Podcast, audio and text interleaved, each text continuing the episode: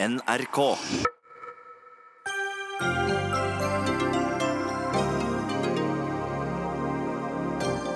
Feiringen av USAs nye ambassade i Jerusalem har endt med blodbad på Gazastripen.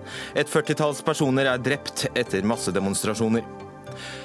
Det er ingen som tviler på at flertallet i Finnmark eh, ikke vil slå seg sammen med Troms, så hvorfor svi av tre millioner kroner på en folkeavstemning? Er virkelig norskpakistanere en godt integrert, hardtarbeidende gruppe som ikke trenger belæring i integrering fra en pakistansk mor uten nære pakistanske venninner? Og regjeringen vil sette grense for hvor mange dager du kan leie ut boligen din på Airbnb, som om Oslo eller Bergen var Venezia eller Barcelona.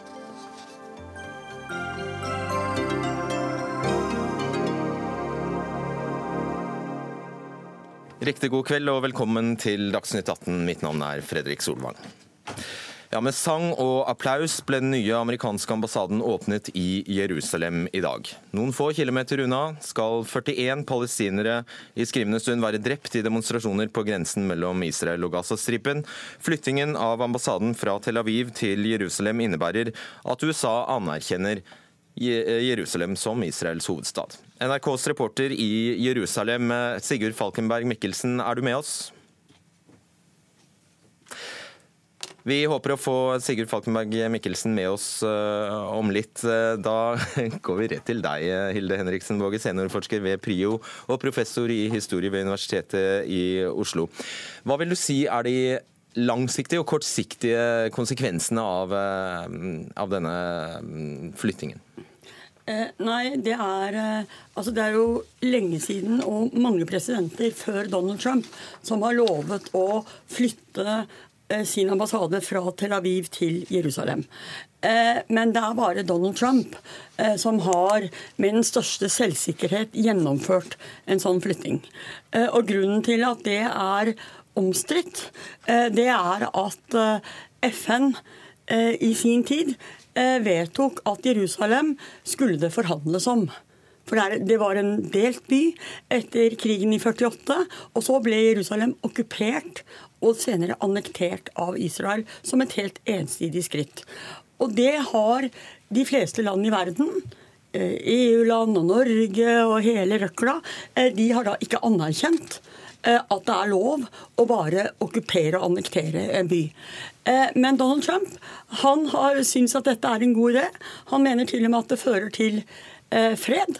Og han har da som en følge av det vedtatt å flytte den amerikanske ambassaden til Jerusalem. Og det har han valgt å gjøre i dag, på Israels 70-årsmarkering. Det var det litt eh, utakknemlig og stort spørsmål jeg ga deg der på begynnelsen, så du er tilgitt at du ikke svarte på de langsiktige og kortsiktige konsekvensene av dette her. Vi, får, vi kommer inn Ja, du skal få fortsette, men jeg tror, jeg tror vi går til, eh, til, eh, deg, Peter Eide. Du er stortingsrepresentant for SV.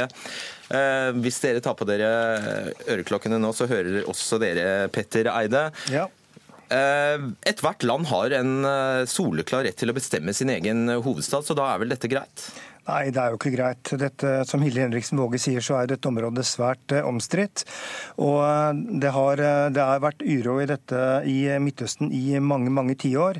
Så det å flytte ambassaden sin til Jerusalem oppfatter mange, mange, ikke bare palestinerne, men også mange i Europa og andre steder, som en voldsom provokasjon. Og hvis man skal tenke seg i framtiden at man skal få på plass en fredsprosess igjen i området, så, så så blir det mye mye vanskeligere. Jeg vil si at En mulig fredsprosess nå er slått flere flere år tilbake. Hvorfor det? Ja, Fordi det er en provokasjon. Fordi eh, Jerusalem er eh, en by som, eh, som flere grupper har et nært og sterkt og nesten hellig forhold til.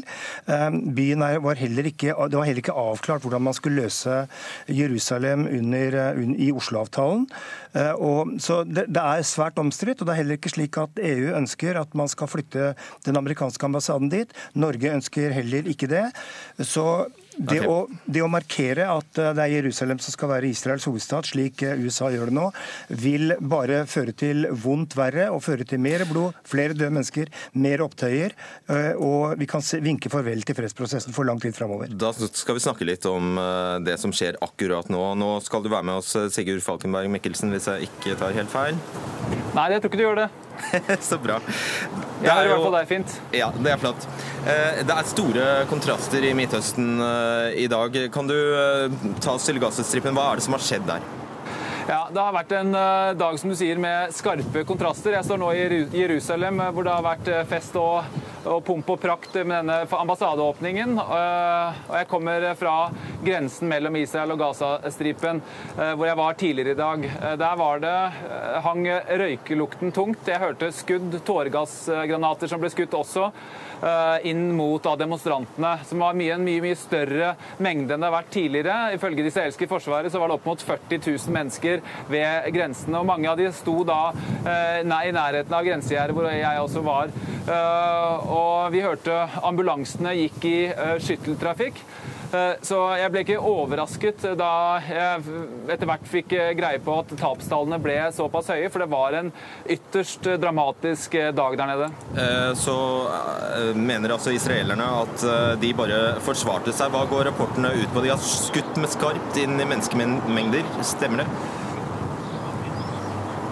Ja, altså sånn det kunne se ut på avstand fra meg, så var det det som skjedde. og Det er det som også har skjedd eh, tidligere. Det det israelske forsvaret sier, er at de da uh, forsvarer seg ikke mot ikke-voldelige demonstranter, men mot en organisert Hamas-protest. og at de beskytter den israelske sivilbefolkning og, sin egen suverenitet. og Jeg traff også en israelsk bonde som bodde i en av kibbutzene som ligger rett inntil grensen, som mente at dette var en form for selvforsvar. Så det er det den israelske eh, posisjonen på dette? Jeg vil bare høre med deg, Sigurd. Er det sånn at du må forlate oss nå, eller du, er det greit for deg å bli med videre i samtalen? Nei, jeg kan godt bli med. Jeg kommer sent. Det er fint. Men godt, håper jeg. sent, men godt. Kristian Tybring-Gjedde, stortingsrepresentant eh, for eh, Fremskrittspartiet. Guatemala, Paraguay flytter etter USA. Ifølge israelerne sitter Tsjekkia, Romania og Honduras på gjerdet. Og i denne klubben vil du ha Norge inn? Jeg syns det er naturlig nå på sikt at Norge gjør det samme. Eh, det er opp til Israel å bestemme hvilken by som skal være deres hovedstad, og de ønsker Jerusalem. og Da syns jeg også at Norge burde følge etter. Men på denne dagen syns jeg vi aller først skal gratulere Israel med 70-årsdagen. Det burde vært innledning på dette programmet. Eh, og så vil jeg også gratulere USA med en eh, ny ambassade i Jerusalem. Det syns jeg er positivt for USA. Og når det kommer sånne halvanekdoter om, om, Donald Trump, så er det i hvert fall det med Donald Trump. Uansett, Du kan si sikkert mye rart om Donald Trump, men han får en ny dynamikk inn i Midtøsten når man holdt på med disse såkalte fredsforhandlingene i 50 år. Det er tredje generasjon palestinere vi snakker om nå. Eh, vi kan godt sitte et par generasjoner til, men altså, det, skjer ingenting. Palestinerne blir flere og flere gjør ingenting, blir fattigere og fattigere, prøver ikke å skape sitt eget land, sin egen, eh, sin eget eh, organisasjon. Sitt egen, altså prøve å gjøre det beste for seg selv. Eh, Istedenfor så protesterer de mot Israel, som faktisk har et, et land som fungerer og hvor 20% av befolkningen faktisk er arabere. Våge, det er jo sant. Faktisk, Historieskrivningen her er jo rett. Det står jo, og nå er jo alle beskriver jo en situasjon der det knapt finnes fredsinitiativ. Eh, ja, det er eh, sant. Men ellers så var eh, resten av historieframstillingen til Tybring-Gjedde ikke helt eh, kurant, vil jeg si. Eh, fordi at eh, jeg, jeg, jeg, går ut fra at selv du og Fremskrittspartiet og jeg at vi egentlig ønsker oss en fredelig løsning på denne konflikten. Eh, altså Noen av oss er eh, for fred, og det tror jeg de fleste av oss er.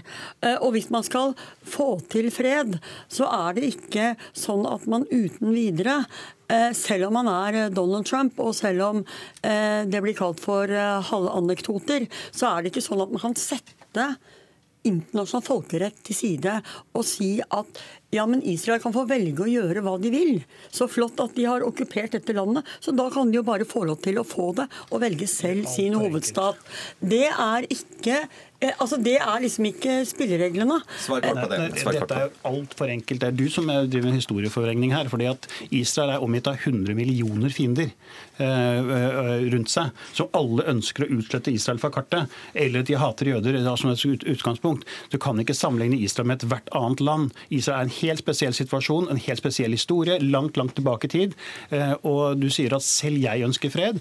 Jeg syns det er en underlig måte å debattere på på en som er ansatt i NRK. Selvsagt ønsker vi fred fred, men ikke under enhver omstendighet. Det er klart at Israel må forsvare seg og må kunne svømme hvor skal hovedstaden ligge. Og Nå må vi snart bevege oss et skritt videre. Det er nå så mange hundrevis og tusenvis av mennesker som har, som har hele, fått hele sin årsinntekt pga. disse fredsforhandlingene. De har ikke kommet et skritt videre. Kan jeg få komme inn? Det skal du, det skal du få, være rask. Eh, ja, altså Det som er viktig å si til Christian Tybring-Gjedde, er at her snakker vi om noen helt grunnleggende regler for hvordan stater skal oppføre seg mot hverandre. Eh, og eh, Det er faktisk slik at Israel okkuperte Vestbredden og Gaza og deler av Jerusalem i 1967. og der, Når vi bruker ordet folkerett, så er det nettopp det det handler om. Det betyr at disse områdene er ulovlig okkupert av Israel. De vant en krig, da? Ja, likevel, ja, men det, det, likevel, så har, likevel så er så har de ved, ved flere anledninger, FN og andre, eh, definert dette som ulovlig okkuperte områder. Og Israel har med mang en gang blitt bedt om å, truk, å trekke seg tilbake til grensene fra 67. Dette var også utgangspunktet for de, som ble, for de forhandlingene som ble holdt under Oslo-avtalen. Så nå forholder vi oss til noen formelle folkerettslige regler. Og da eh, er det ikke slik at Israel kan oppføre seg sånn som de vil. De må også forholde seg til disse reglene. Og hvis Norge skal gå etter og flytte flytte vår ambassade også til Jerusalem, da, eh, da, vil, eh, da, vil, vi bidra til å helle enda mer bensin på bålet. Og Norge vil for evig og alltid miste enhver mulighet til å delta i en fredsprosess. Palestinerne vil miste fullstendig tillit til oss, eh, og vi vil ikke kunne komme inn i det sporet. Bjarte Ystebø, du er redaktør i Norge i dag, den kristne avisen Norge i dag, og du mener at vi Norge også bør flytte vår ambassade til Jerusalem, og det er ganske brennkvikt konflikt. Nå er altså 41 palestinere drept i dag eh, i demonstrasjoner, 1500 skadd. Holder ikke det som motargument? Nei, jeg tror, ikke, jeg tror, vi skal gi palestinerne litt mer kreditt enn det. Altså, det vi gjør da, er jo å frata de deres egen evne til å bedømme moralsk hva som er riktig respons på det som er en helt fredelig og diplomatisk handling, nemlig at, Israel, at USA flytter sin ambassade, det skulle på en eller annen måte berettige at de eh, griper til vold, at de prøver å trenge seg inn gjennom grensen til Israel, sånn som de gjør, og til en sivilbefolkning som ligger like opp til grensen, og der Israel forsvarer seg og eh, forhåpentligvis nå har klart å stanse disse demonstrasjonene, som ikke bare er demonstrasjoner sånn som når du og jeg går i tog på Karl Johan, men som handler om å trenge seg inn i Israel med onde hensikter for å drepe sivilbefolkningen. Det er en annen sak. Grunnen til at vi skal flytte ambassaden, er jo fordi at det er det moralsk riktige å gjøre. Det som er, har vært et problem i tiår, det er at vi har behandlet Israel annerledes enn alle andre land i verden. Og det er antisemittisk. Når vi har en dobbel standard, en som gjelder for Israel og en som gjelder for alle andre, så er det antisemittisk. Vi, eh, vi eh, eh sier at Israel skal ikke få velge hvor de skal ha hovedstad, men selv vil vi forbeholde oss retten til å velge hvor vår hovedstad skal gå. Eh, Israel får ikke innføre sanksjoner mot Gaza, men Egypt må gjerne gjøre det. Israel får ikke bygge murer mot terror, men vi får gjøre det. Det er en dobbel standard. og Det man gjør ved å anerkjenne at Israel kan selv bestemme sin hovedstad, det er at vi sier at vi behandler Israel likt med alle land i verden. Vi behandler Israel sånn som vi forventer at andre land skal behandle oss. Og da er svaret mitt moralsk riktige, det er alltid å gjøre nå.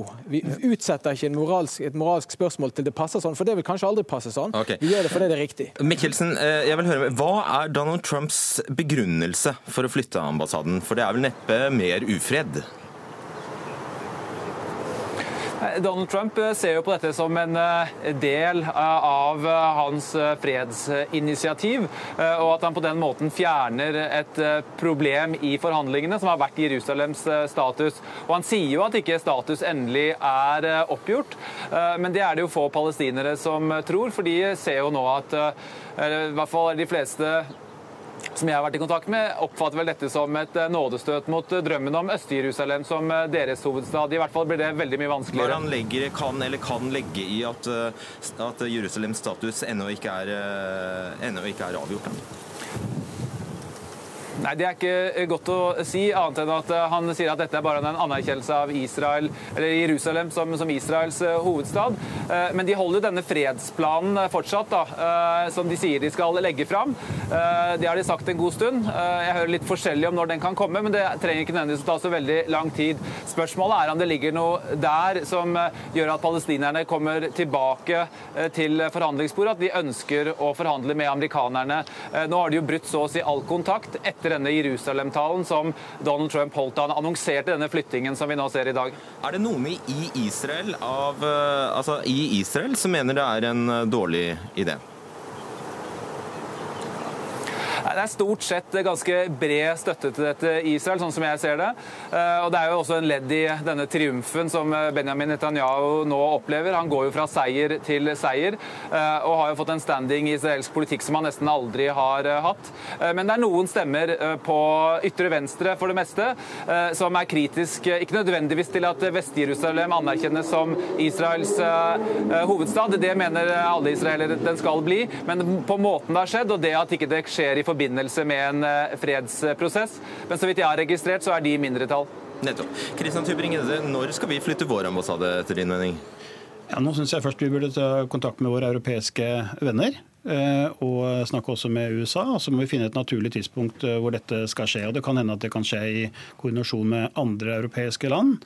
Og jeg tror rett og slett på sikt så vil dette, dette skje. Ja, men Snakker og, vi ti år, et, halv, et nei, år, et halvt år? Ikke, vi snakker om måneder her. altså Vi kan ikke snakke om mange år. at Nå snakker jeg om beslutningen. Måneder. Ja, Når du fysisk har sett, så vil det være komplisert. For det er en del ting som skal gjøres. Ikke sånn som i USA, hvor de tok over et konsulat og gjorde det litt større, og så ble det ambassade.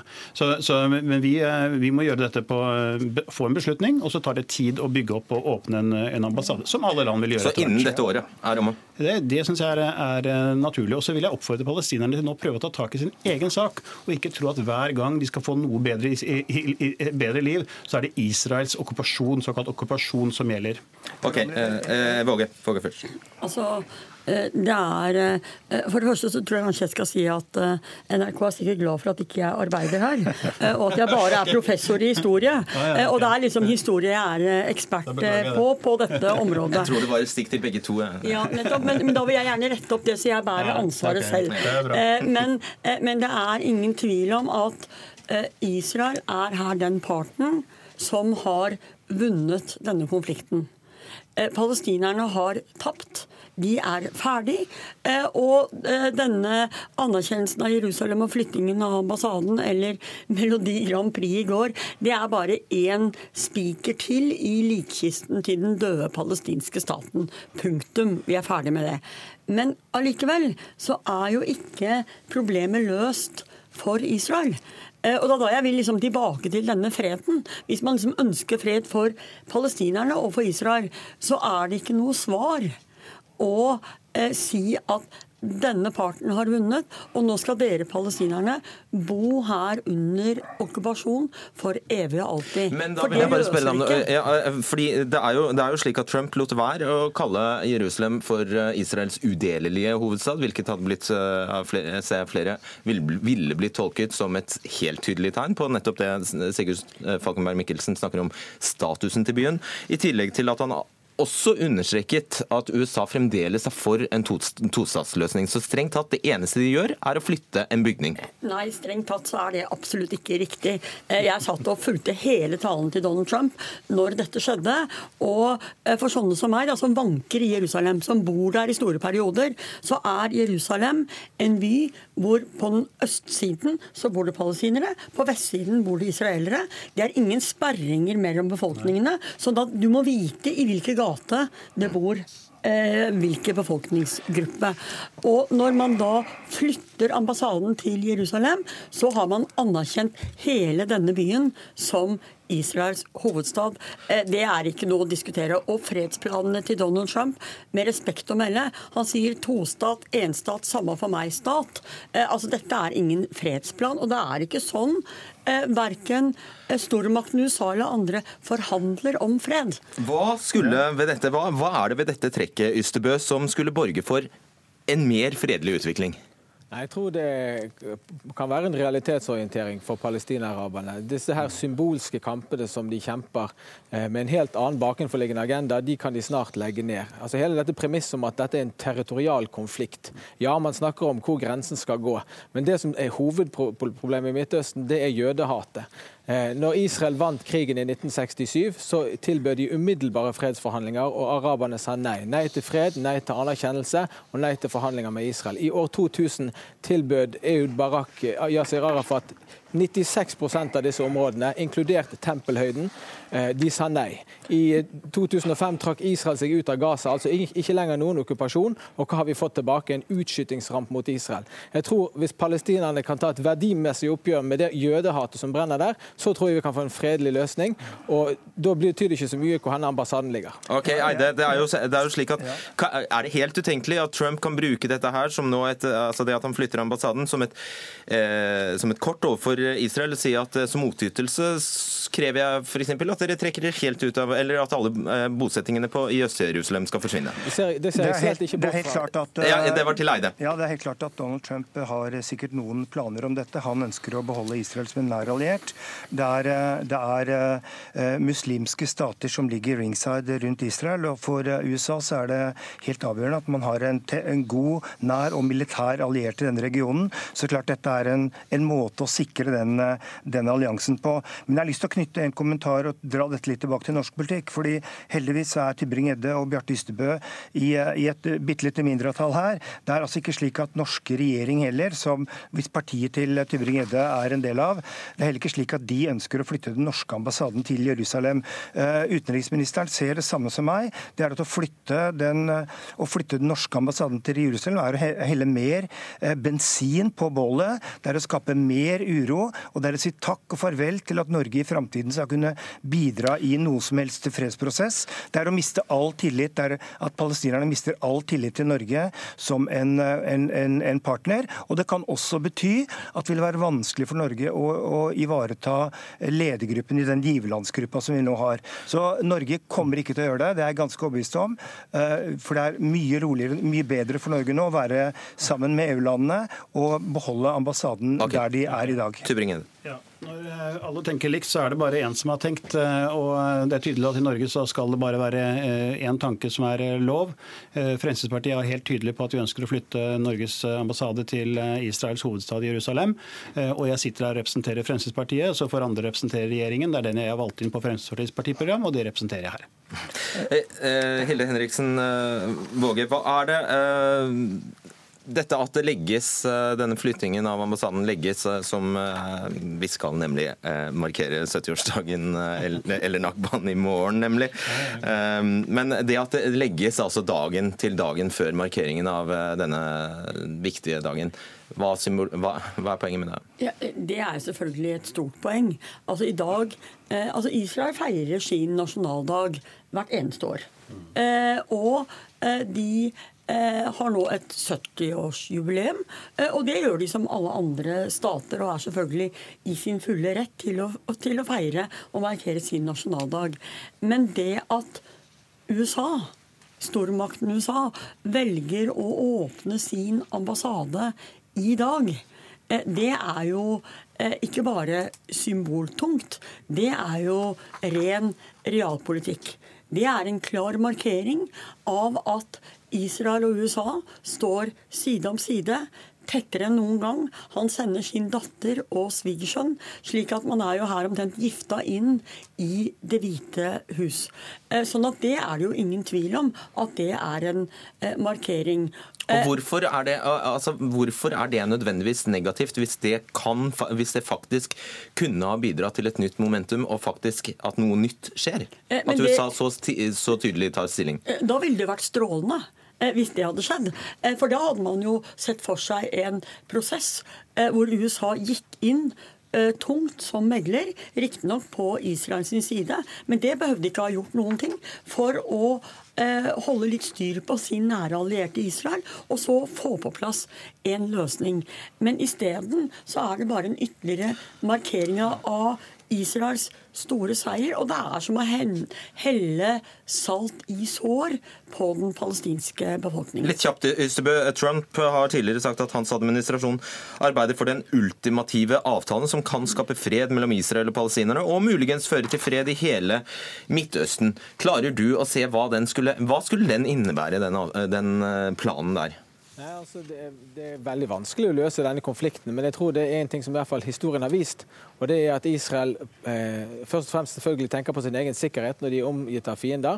Eh, men de har også vist at de er villige til å inngå smertefulle kompromisser. Så jeg tror at palestinaraberne har ingen bedre fredspartner enn Israel, og de er nødt til å komme til enighet med Israel. Og de må slutte å kive om hvor USA skal ha sin ambassade, og heller konsentrere seg om å hjelpe sin egen sivilbefolkning, sånn som Tybring-Gjedde sier, bygge opp institusjoner og skape en kultur for fred og fremgang. sånn som Israel har gjort, og som vi feirer i dag eh, etter 70 år, det er også fremtiden for det palestinarabiske folk. Problemet er jo at den, denne ambassademanøveren som dere foreslår, eh, overhodet ikke er noen vei i den retningen. Det er utelukkende å fortsette eh, splittelsen mellom de to eh, folkegruppene. Eh, hvis dere begge to ønsker å komme med et bidrag til fred, så må det være, må det være konstruktivt. Det må definitivt handle om at palestinerne ikke skal krenke, få krenket okay. sine menneskerettigheter, og at okkupasjonen må ta slutt. Men den norske representasjonskontoret i Palestina ligger jo i Jerusalem. Hvorfor er det ikke en krenkelse av den israelske siden? Vi har jo egentlig bare behandlet Israel og palestinaraberne likt i den saken. Men, men nå, har vi, nå, har vi, endelig fått en, en, en president som faktisk handler istedenfor en som prater. Nå har vi også pratet i 50 år om, om, forhandlinger og prat og nye forhandlinger og nye forhandlinger. Fredspriser er delt ut. Men nå har vi altså fått en president som faktisk har gjort noen ting. Eh, og så får vi se da om det skaper en ny dynamikk eh, i, i Midtøsten. Jeg tror det kan skape en ny dynamikk som på sikt kan være positivt, men man har ingen garantier. Vi setter strek der. Takk. Hilde Henriksen eh, Våge. I seniorforsker ved PRIO, slettes ikke NRK-ansatt. Bjarte Ystebø, redaktør i Norge i dag. Kristian Tybring-Gjedde, stortingsrepresentant for Fremskrittspartiet. Og Petter Eide, stortingsrepresentant for SV. Dagsnytt 18 alle hverdager kl 18.00 på NRK P2 og NRK2.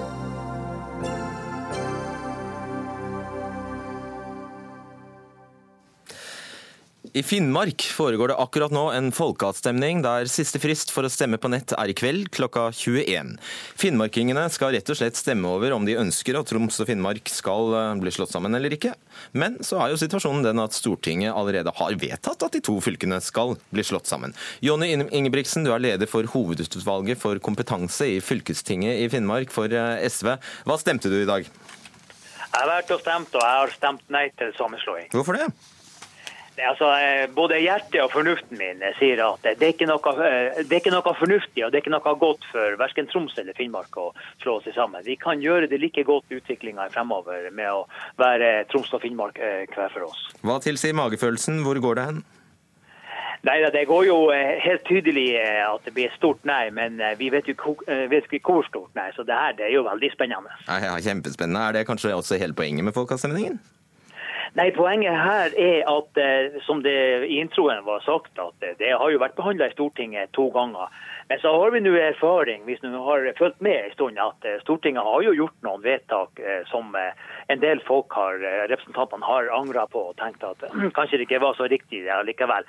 Så hvis bare Stortinget får info nok, så kan det hende at de hadde stemt annerledes. I hvert fall noen parti. Ja. Jo Inge Helsevik, du er gruppeleder for Høyre på fylkestinget i Finnmark. Du har også stemt. Hva stemte du?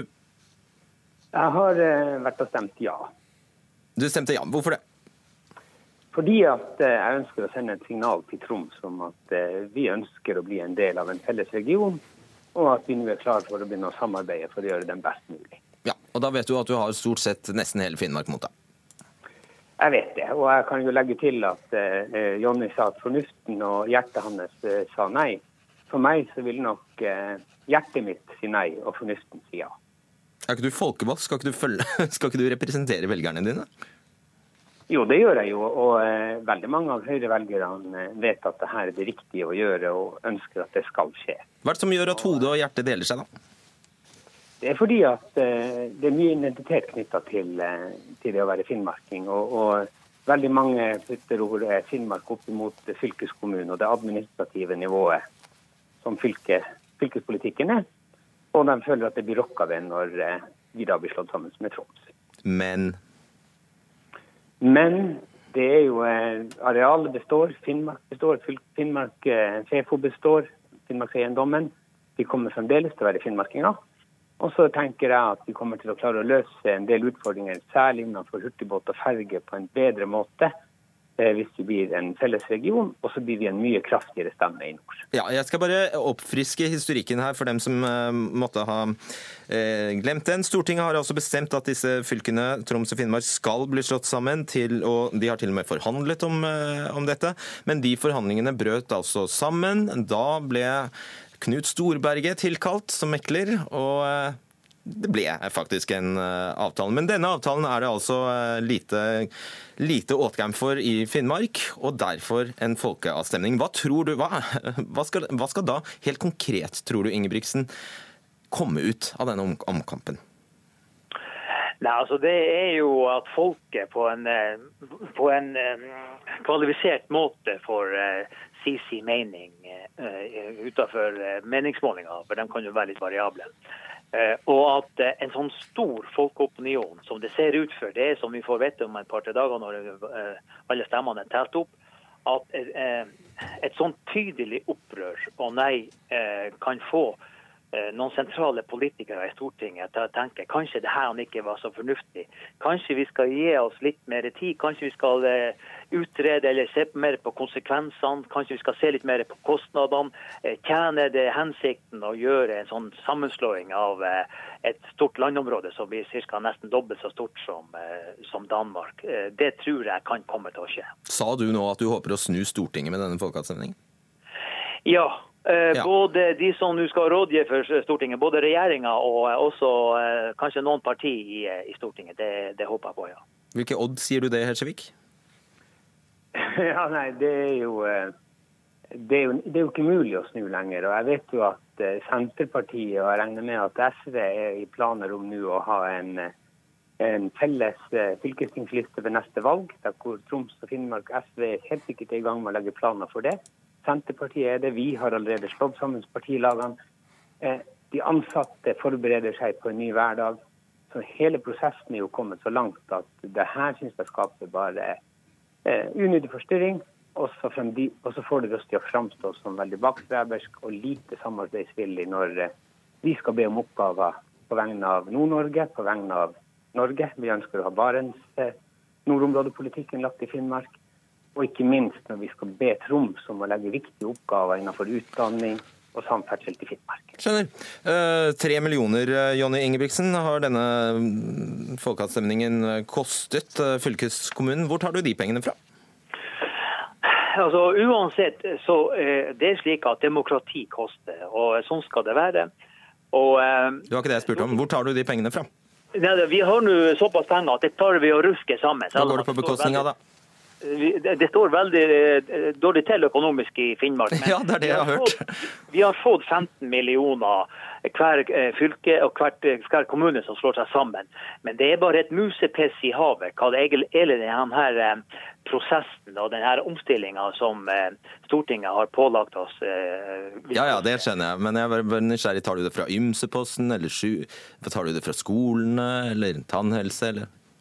Hvilken post tas disse tre har, har alltid litt noen fond, eh, små fond her og der. Så vi tar det derfra. ok, det er godt. Um, Lars Nehru Sand, politisk kommentator her i eh, NRK. Hva kan komme ut av denne avstemningen?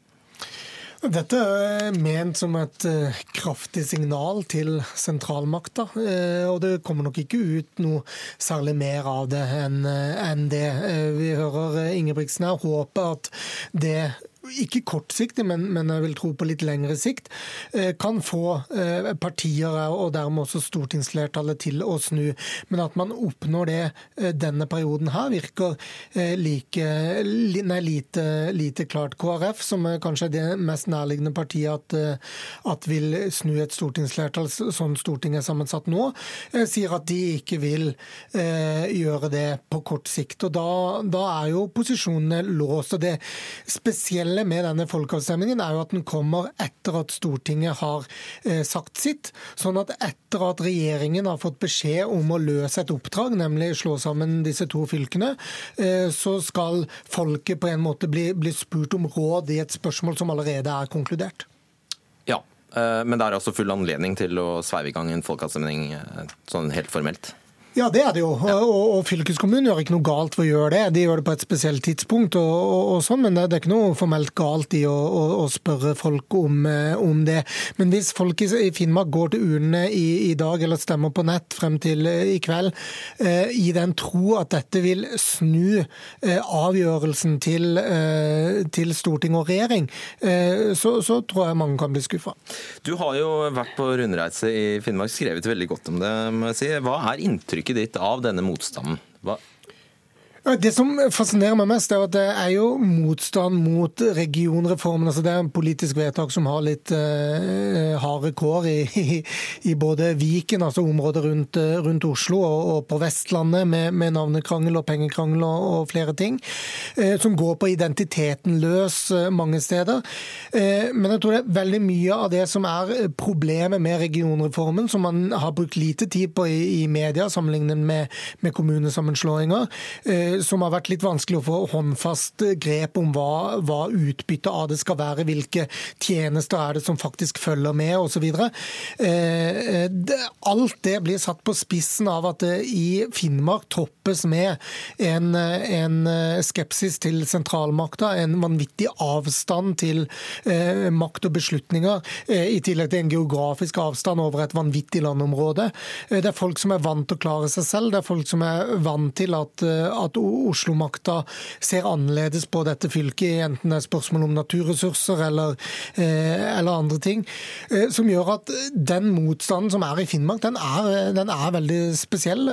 Og, og, det må man også ha, om ikke forståelse for, så, så må man i hvert fall se at det gir noen andre utslag i den debatten og i diskusjonen om sammenslåing av Troms og Finnmark enn det har gjort i, i spørsmålet om Hordaland og Sogn og Fjordane eller Agder-fylkene, hvor det også var, var folkeavstemning, som Aust-Agder hadde i sin tid. Jo Inge Helsevik, du skal få en utfordring av meg. I en setning, si det aller, aller beste som vil komme ut av denne sammenslåingen. Det vil være å få en eh, politisk stemme fra nord som er mye sterkere enn den vi har i dag. Ok. Jonny Ingebrigtsen, når er resultatet klart? Nei, Det kan gå en to-tre dager. Det er litt usikkert. Ok. Da setter vi strek der. Tusen takk skal dere ha, Jonny Ingebrigtsen, Jo Inge Helsevik og Lars Nehru Sand.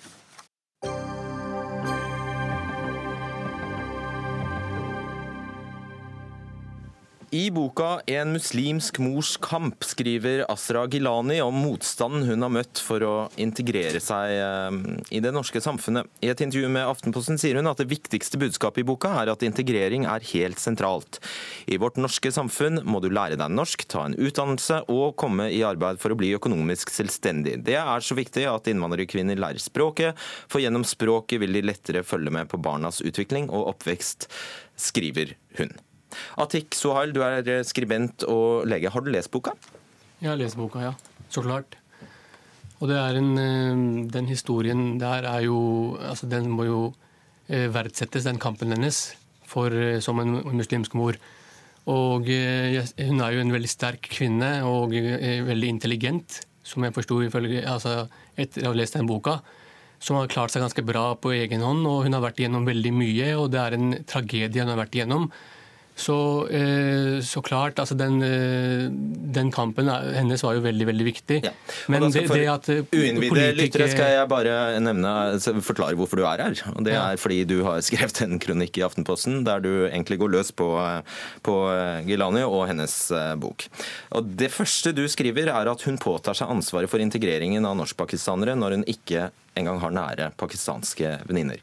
Når ble det en forutsetning? Ja, altså Jeg går ikke løs på henne, for det første. da. Eh, for det andre så er det det at eh, jeg syns at eh, man kan, man kan på en måte si noe positivt om en sårbar minoritetsgruppe for en gangs skyld. fordi det har jo vært veldig mange skrekkhistorier i media om uh, norskpakistanere. Skal man lyve vært, da, eller hva, hva skal man gjøre? Altså, nei, ikke lyve, men altså, at man må uh, nyansere bildet. Mm. For det Hvis du med, ikke gikk løs på henne, hva gjorde du da? Etter egen, uh, hva mener du du gjorde? Jeg prøvde å nyansere det forvrengte okay. bildet av minoritetsgruppen som er veldig veldig viktig. fordi det er, altså, Du kjenner norskpakistanere, Assad kjenner norskpakistanere, men de fleste jo, som, som, ikke gjør det, de vil få inntrykk av at det kun er ukultur her. Før så var det filmen til Iram Haq. Ikke, ikke si det til noen. Og så er det den boken nå. Og Man må jo fokusere på noe som er positivt også, for en gangs skyld. Okay, det handler ikke bare om utfrysning. da, da, da, forstår vi sammenhengen. Assad Nasir, du er allerede introdusert. Du er lærer og forfatter, og du har svart Sohail på kronikken og skriver 'Ridder Sohail redder norskpakistanernes ære'. Og Det er ikke positivt ment. Hva er det du legger i det? Nei, jeg, tenker, altså det, jeg tok utgangspunkt i det, han, det Sohail selv har skrevet, og går gjennom alle argumentene hans. Og viser at de ikke holder. Og Nå virker det jo som om han ikke lenger står for det han skrev i Aftenposten, når han sier at det var ikke det han mente osv. Uh, men bare for å ta det med en gang, da, så er jo første, noe av det første du skriver, er jo at hun eh, framstiller seg selv som en person som har nøkkelen, eller den eneste fasiten på hva integrering er.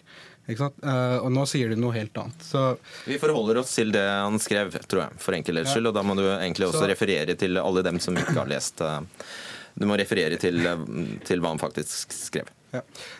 så det, det, jeg prøver å vise, er at de argumentene ikke holder. Uh, og det er uh, f.eks. at uh, Gilani generaliserer. Det er ikke slik jeg leser henne. Hun forteller sin historie og utgangspunkt i sine egne opplevelser, og hvordan hun opplevde det å komme til Norge, det å møte det norske samfunnet, det norsk-pakistanske samfunnet i Norge på den tiden, og skriver om utfordringer med barneoppdragelse, familieliv osv. Så, mm. så det er på en måte, det er ikke en generalisering om det norsk-pakistanske miljøet generelt. Fordi For det første så er, er, kan man ikke snakke om ett norsk-pakistansk miljø. Det er mange ulike miljøer. Det er mange ulike eh, eh, hva skal man si, altså Det er mange nyanser da, i det norsk-pakistanske miljøet, som Sohail også sier. Eh, men... Jeg tror vi er nødt til eh, etter hvert her å eh, begynne å pense oss inn på de faktiske sitatene. Hvis ikke så blir det umulig å følge med for de som ikke har fått med seg kronikkene her. Men bare overordnet før vi kommer dit. Du ser vel det poenget fra Suhail at hvis det tegnes et nidbilde av en minoritet, eh, eller hvis det bare kommer, eh, kommer dårlige nyheter fra, om en eh, minoritet, så mm, er det behov for å nyansere? Ja, det er behov for å nyansere, men ikke på den måten som jeg tenker så Heil prøver å gjøre her. Da. Så Man kan vise til at uh, eh, f.eks. etterkommerne av innvandrere klarer seg mye bedre i skole, klarer seg mye bedre i arbeidslivet, er mer integrerte. Så Jeg savner en mer sånn saklig debatt. Og så må man innse at det finnes uh, at det finnes uh, utfordringer i, blant norskpakistanere, så klart. Og det er ikke sånn at aldri har noen blitt utstøtt fra det norsk-pakistanske miljøet. Selvfølgelig har noen det, eh, men det gjelder jo selvfølgelig ikke alle. Uh, ja. ja. La oss ta det sitatet. Jeg skal bare eh, finne det. En vellykket integrering er en høythengende verdi for norskpakistanere, skriver du, Sohail. Og de fryser aldri ut noen fra miljøet fordi de har for mange norske verdier og tradisjoner skriver du også på vegne av alle norskpakistanere. Det er jo helt absurd. Nei, saken er at jeg vet også at man skal, si, man skal aldri si aldri. Men jeg snakker om at det er i hvert fall miljøet altså jeg, miljøet jeg kjenner til. For eksempel, altså jeg har jo veldig mange solskinnshistorier også. For eksempel, han kjente Twitter-legen Wasim Zaid. Da. Han, han, har, han, sto frem som eh, ateist eh, og forlot islam for noen år siden. Og han har blitt eh, tatt imot med han har, han har, ikke blitt utfryst fra miljøet. Han har blitt godt tatt imot av sin familie og venner. Nå snur du det på hodet. Du påstår faktisk at det aldri skjer. Altså, jeg sier at det skjer, har ikke skjedd i min, eh, altså min Nei, verden. Du skriver ikke, Hadde du enda skrevet det, så hadde det vært greit, men du skriver ikke det. De, de fryser aldri ut noen. Ja. Uh, ja. Ok, jeg tar, jeg tar, den kritikken på det, men jeg mente egentlig bare det. Det er i hvert fall min erfaring. Men saken er at i boken til Gilani så er det nevnt veldig mye ukultur. De snakker om at det blir eh, En kvinne får bank av mannen sin, hun blir fratatt passene sine. Hun blir eh, tvangsboende i Pakistan, barna får ikke kommet hit. Eh, hun kommer hit tilbake, hun blir skilt, hun hører, eh, blir svartmalt av miljøet. Alt dette her, og så hver bak, eh, altså, bak hver en sånn historie så nevner hun at men sånn er det fortsatt. Jeg, jeg har, I samtaler med mine eh, pakistanske bekjente så har jeg funnet ut at sånn er det fortsatt.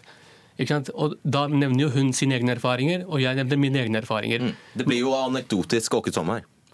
Ja, det blir jo det, men da på en måte eh, Disse nyansene som kommer fram her, da, de, ikke, de, kom ikke fram i den kronikken som så helst skrev. Eh, du, Nasir, eh, altså I din kronikk skriver du at 35,2% av kvinnene som har innvandret fra Pakistan, er sysselsatt. Et lavt tall, altså. Det, er, det skriver du egentlig som et svar på en påstand fra Sohail om at norskpakistanere stort sett er ganske bra integrert. Det er jo mye mer relevant å se på de som er født i Norge og oppvokst her, enn disse mm. kvinnene som innvandret kanskje i voksen alder. Ja, det er det. Eh, men hvis man fra den samme statistikken da, sammenligner med kvinner som har innvandret fra Sri Lanka, som, og eh, innvandrere fra Sri Lanka har omtrent like lang eh, botid i Norge som de fra Pakistan, så er det 67 67% av de kvinnene som er sysselsatt. Og i absolutte tall så er de også omtrent like mange.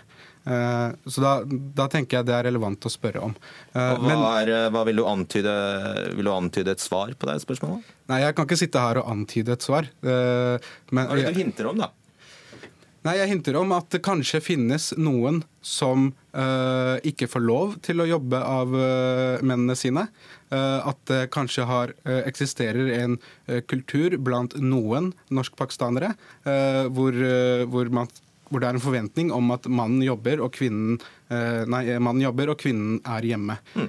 Men samtidig så må jeg også legge til at blant etterkommere av innvandrere så er sysselsettingsgraden omtrent like høy som blant befolkningen generelt. Det stemmer. I tillegg så kom...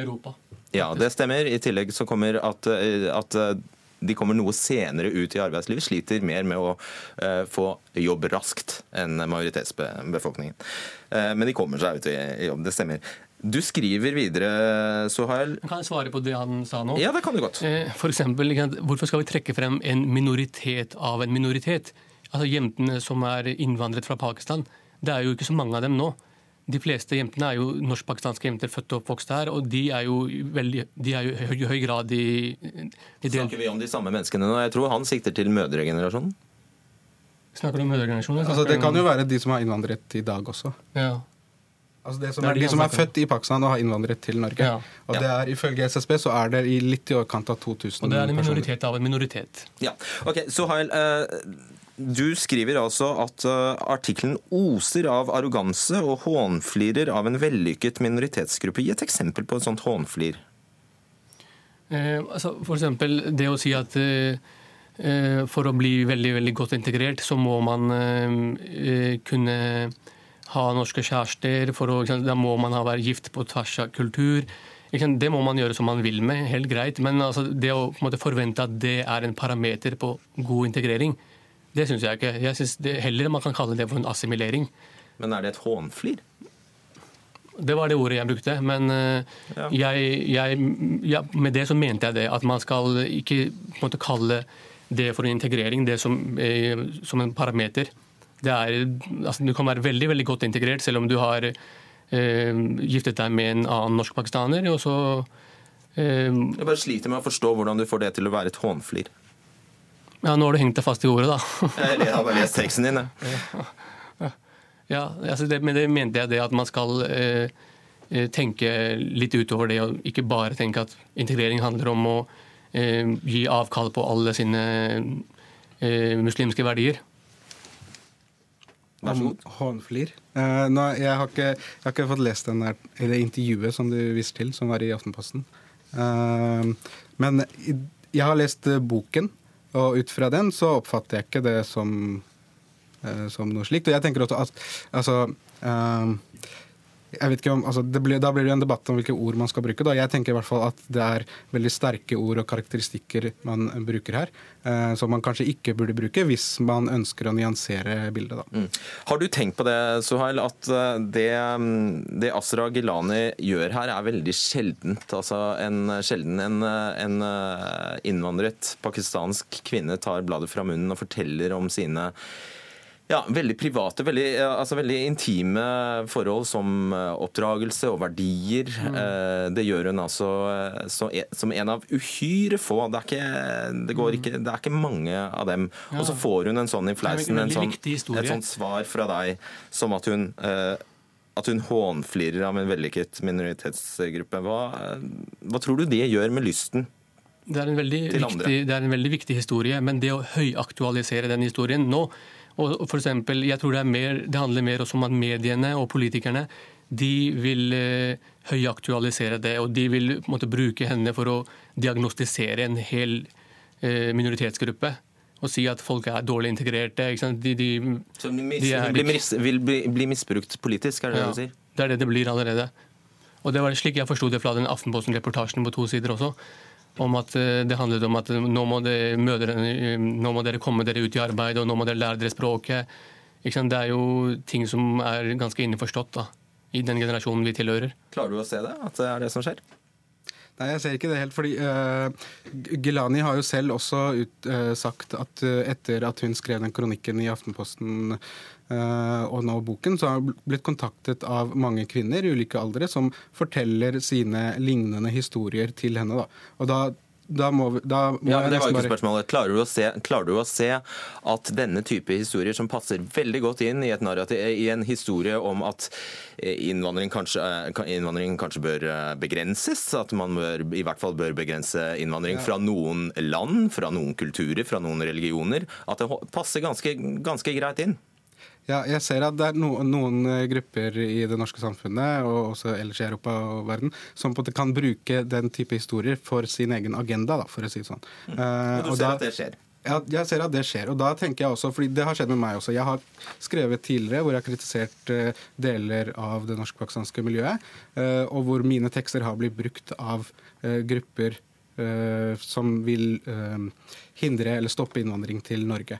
Uh, men da tenker jeg samtidig så er det Da kan man ikke slutte å sette ord på den ukulturen som finnes, men som den som setter ord på, de, altså ord på denne ukulturen, så har jeg også et ansvar for å ta til motmæle mot disse gruppene som da misbruker det jeg kommer med.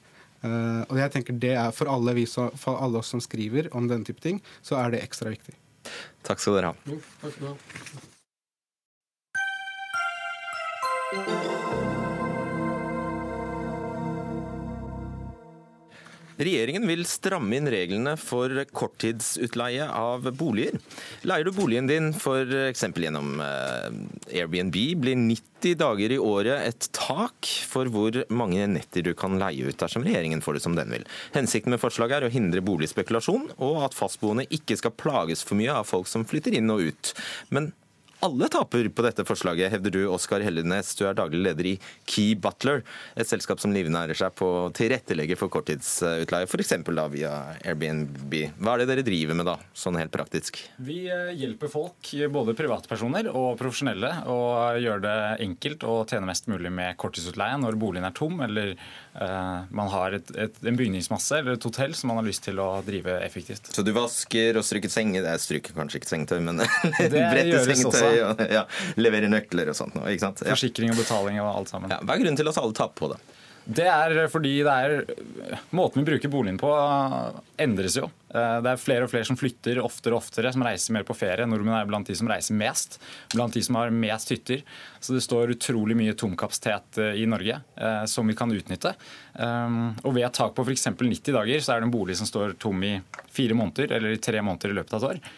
Det vil da stå tomt da utover de 90 dagene man kan leie ut. Så det er jo et tap for selvfølgelig huseieren, eh, men også for eh, økonomien som gjelder at det kan komme noen og bo der som bruker restauranter, som kan komme og jobbe i norske selskaper osv. Som gjør også at det blir flere boliger på markedet, sånn at det blir enklere å få seg boliger. Og når du sier alle, så har du vel ikke spurt hotellene? Nei, Nei.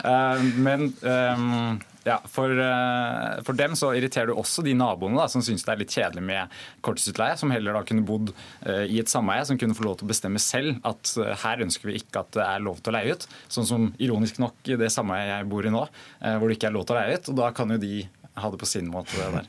Morten Andreas Meyer, generalsekretær i Huseiernes Landsforbund. Dette forslaget fra regjeringen er langt på vei i tråd med innspillene dere ga.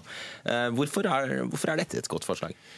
Jo, så Dette dreier seg om hjemmene til folk. Eh, folk flest kjøper en leilighet i et, i et eh, sameie for å bo der. Eh, og Det er de regjeringen nå ønsker å ta hensyn til. Vi ser en tiltagende tendens til at spekulanter kjøper opp leiligheter i bygårdene. Ikke for å drive langtidsutleie, men for å tjene mest mulig penger på korttidsutleie, akkurat som motdebattanten min. Har du statistikk på det? Vi kjenner ikke det nøyaktige volumet, eh, men det er Det upresise volumet, da?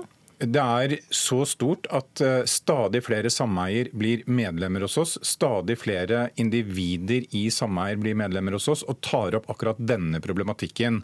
Så dette er et voksende problem. Og før, Si omtrent hvor stort det er, da. Ja, Vi vet jo i de store bygårdene i Oslo at det er et større antall leiligheter som blir omgjort til korttids utleieleiligheter, og på den måten forringer bomiljøet. Et større antall. Hva er det antall?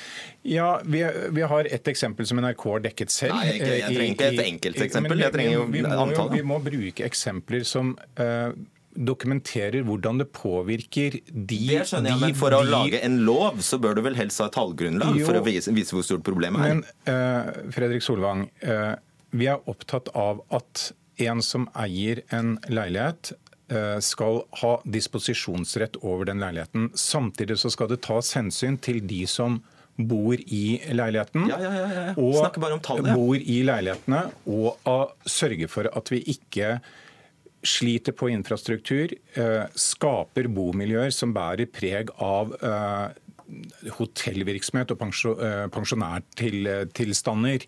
Og om omfanget ikke er veldig omfattende i dag, så er vi opptatt av å stoppe en utvikling som gjør at gode bomiljøer omgjøres til pensjonatvirksomhet, og at vi sørger for at de bomiljøene blir gode for de som faktisk har kjøpt en bolig for å bo der er sjøl. Føre var.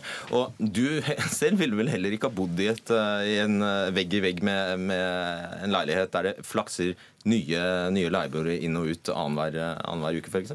Det som, eh, det som vi syns den eh, debatten her bærer preg av, er som du eh, spurt, prøvde å få tak i tidligere, hvordan er egentlig tallene? Og Det er snakk om ytterst få, eh, noen hundre leiligheter, trolig i eh, noen få hundre leiligheter i hele Norge, som er leilighetshotellleiligheter. Og ja, selv eh, broren min, som bodde i sin oppgang, hvor det var etter et halvt år så fant han ut at det var et par leiligheter som var eh, hotelleiligheter. Um, og, eh, og han hadde ikke merket noe til det før det hadde gått over seks måneder. og Han så noen som hadde litt mye sengetøy på veien. Eh, så dette er et forsvinnende lite problem, og syns vi et storm i, i vannglass. Og vi ser også ungdomspartiene som, hvor pipa har en litt annen eh, en lyd enn det eh, morselskapene har. Okay, hvor, hvor det er yngre folk som bruker Airbnb, som har et litt mer fleksibelt forhold til, eh, til boligen sin. og det er... eh, men, men jeg tror om antallet er stort eller lite. For de dette angår, og for de som rammes av en utleievirksomhet i leiligheter som er kjøpt opp til formål å tjene mest mulig penger på korttidsutleie. For de beboerne, for de som eier disse hjemmene, så betyr dette lovforslaget mye for deres velferd og rett og slett verdien i eh, livene de har i disse eh, bygårdene. Um, og så er det viktig dette er jo ikke, Det er jo ikke slutt på korttidsutleie. 90 dager. 90 dager. Det gir et stort rom for de som eier leiligheter, til å leie ut i helgene, til å leie ut i ferier. Vi syns det er helt rimelig og vi synes det er bra at, at boligeiere får anledning til å tjene penger, en ekstra slant på den utleien. Det dette forslaget forhindrer, det er en kommersialisering, det er en spekulasjon i eh, objekter som over tid vil ødelegge gode bomiljøer. Men det går direkte utover din forretningsmodell, så jeg skjønner jo hvorfor du er her. Det, mye av det vi driver, er jo også enten da selvfølgelig under 90 dager og under der, men som også går på lengre opphold, f.eks. over 30 dager, hvor man leier ut til, eh, til f.eks. Eh, ansatte i selskaper, sånn som før drev kanskje Statoil eller store oljeselskaper leide kanskje over 1000 leiligheter i Bergen, som nå kanskje kan samles i 100 leiligheter fordi det drives mer effektivt. Og Det gjør jo da at eh, det blir flere boliger på markedet og flere, eller færre leiligheter da, som rammes av den inn- og utflyttingen, som jo største grunn til det er at bolig er så gunstig beskattet i Norge. Ja, at det er en helt annen debatt. eh, kjøper Eh, bolig for å leie ut der. Morten Andreas Meyer, er det, er det gitt at en forening for huseiere faktisk skal eh, legge, være med og legge restriksjoner for hva huseierne skal gjøre, kunne gjøre med boligen sin? Det er en viktig nyans, Fredrik Solvang. Dette gjelder eierseksjoner, og det gjelder altså gårder med mange leiligheter, hvor folk primært har kjøpt en leilighet for å bo der i trygge omgivelser. Det er ikke snakk om en enebolig eller et eh, hus. Dette er snakk om å begrense korttidsutleien i eh, typiske bygårder i de mest sentrale områdene i de store byene. Blir det flertall for dette her? Ja, Det tror jeg helt sikkert. Dette er et ønske fra Stortinget som regjeringen nå har fulgt opp etter forslag fra Leieboerforeningen og huseierne. Får du finne på noe annet å gjøre, Oskar Helnes. Takk skal dere ha. Dere fikk avslutte Dagsnytt 18. Takk også til deg, Morten Andreas Meyer. Det var eh, Arnhild Myklebust som var ansvarlig for sendingen. Hans Ole Hummelvold satt i teknikken, og i studio Fredrik Solvang.